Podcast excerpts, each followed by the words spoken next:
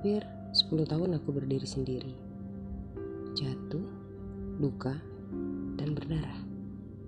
Bahkan hampir kehilangan kepercayaan diri untuk bisa bertahan. Dan diri sendiri pula yang mengobati, merawat luka, menyemangati, merangkai senyuman, atau sekedar tertawa basi. Sampai dengan saat ini, ada jenis luka yang belum pernah aku rasakan. Bahkan aku hafal betul dengan setiap perihnya. Aku dan luka telah berteman cukup lama. Dan pelukan lelah sudah sangat erat merangkul tubuhku.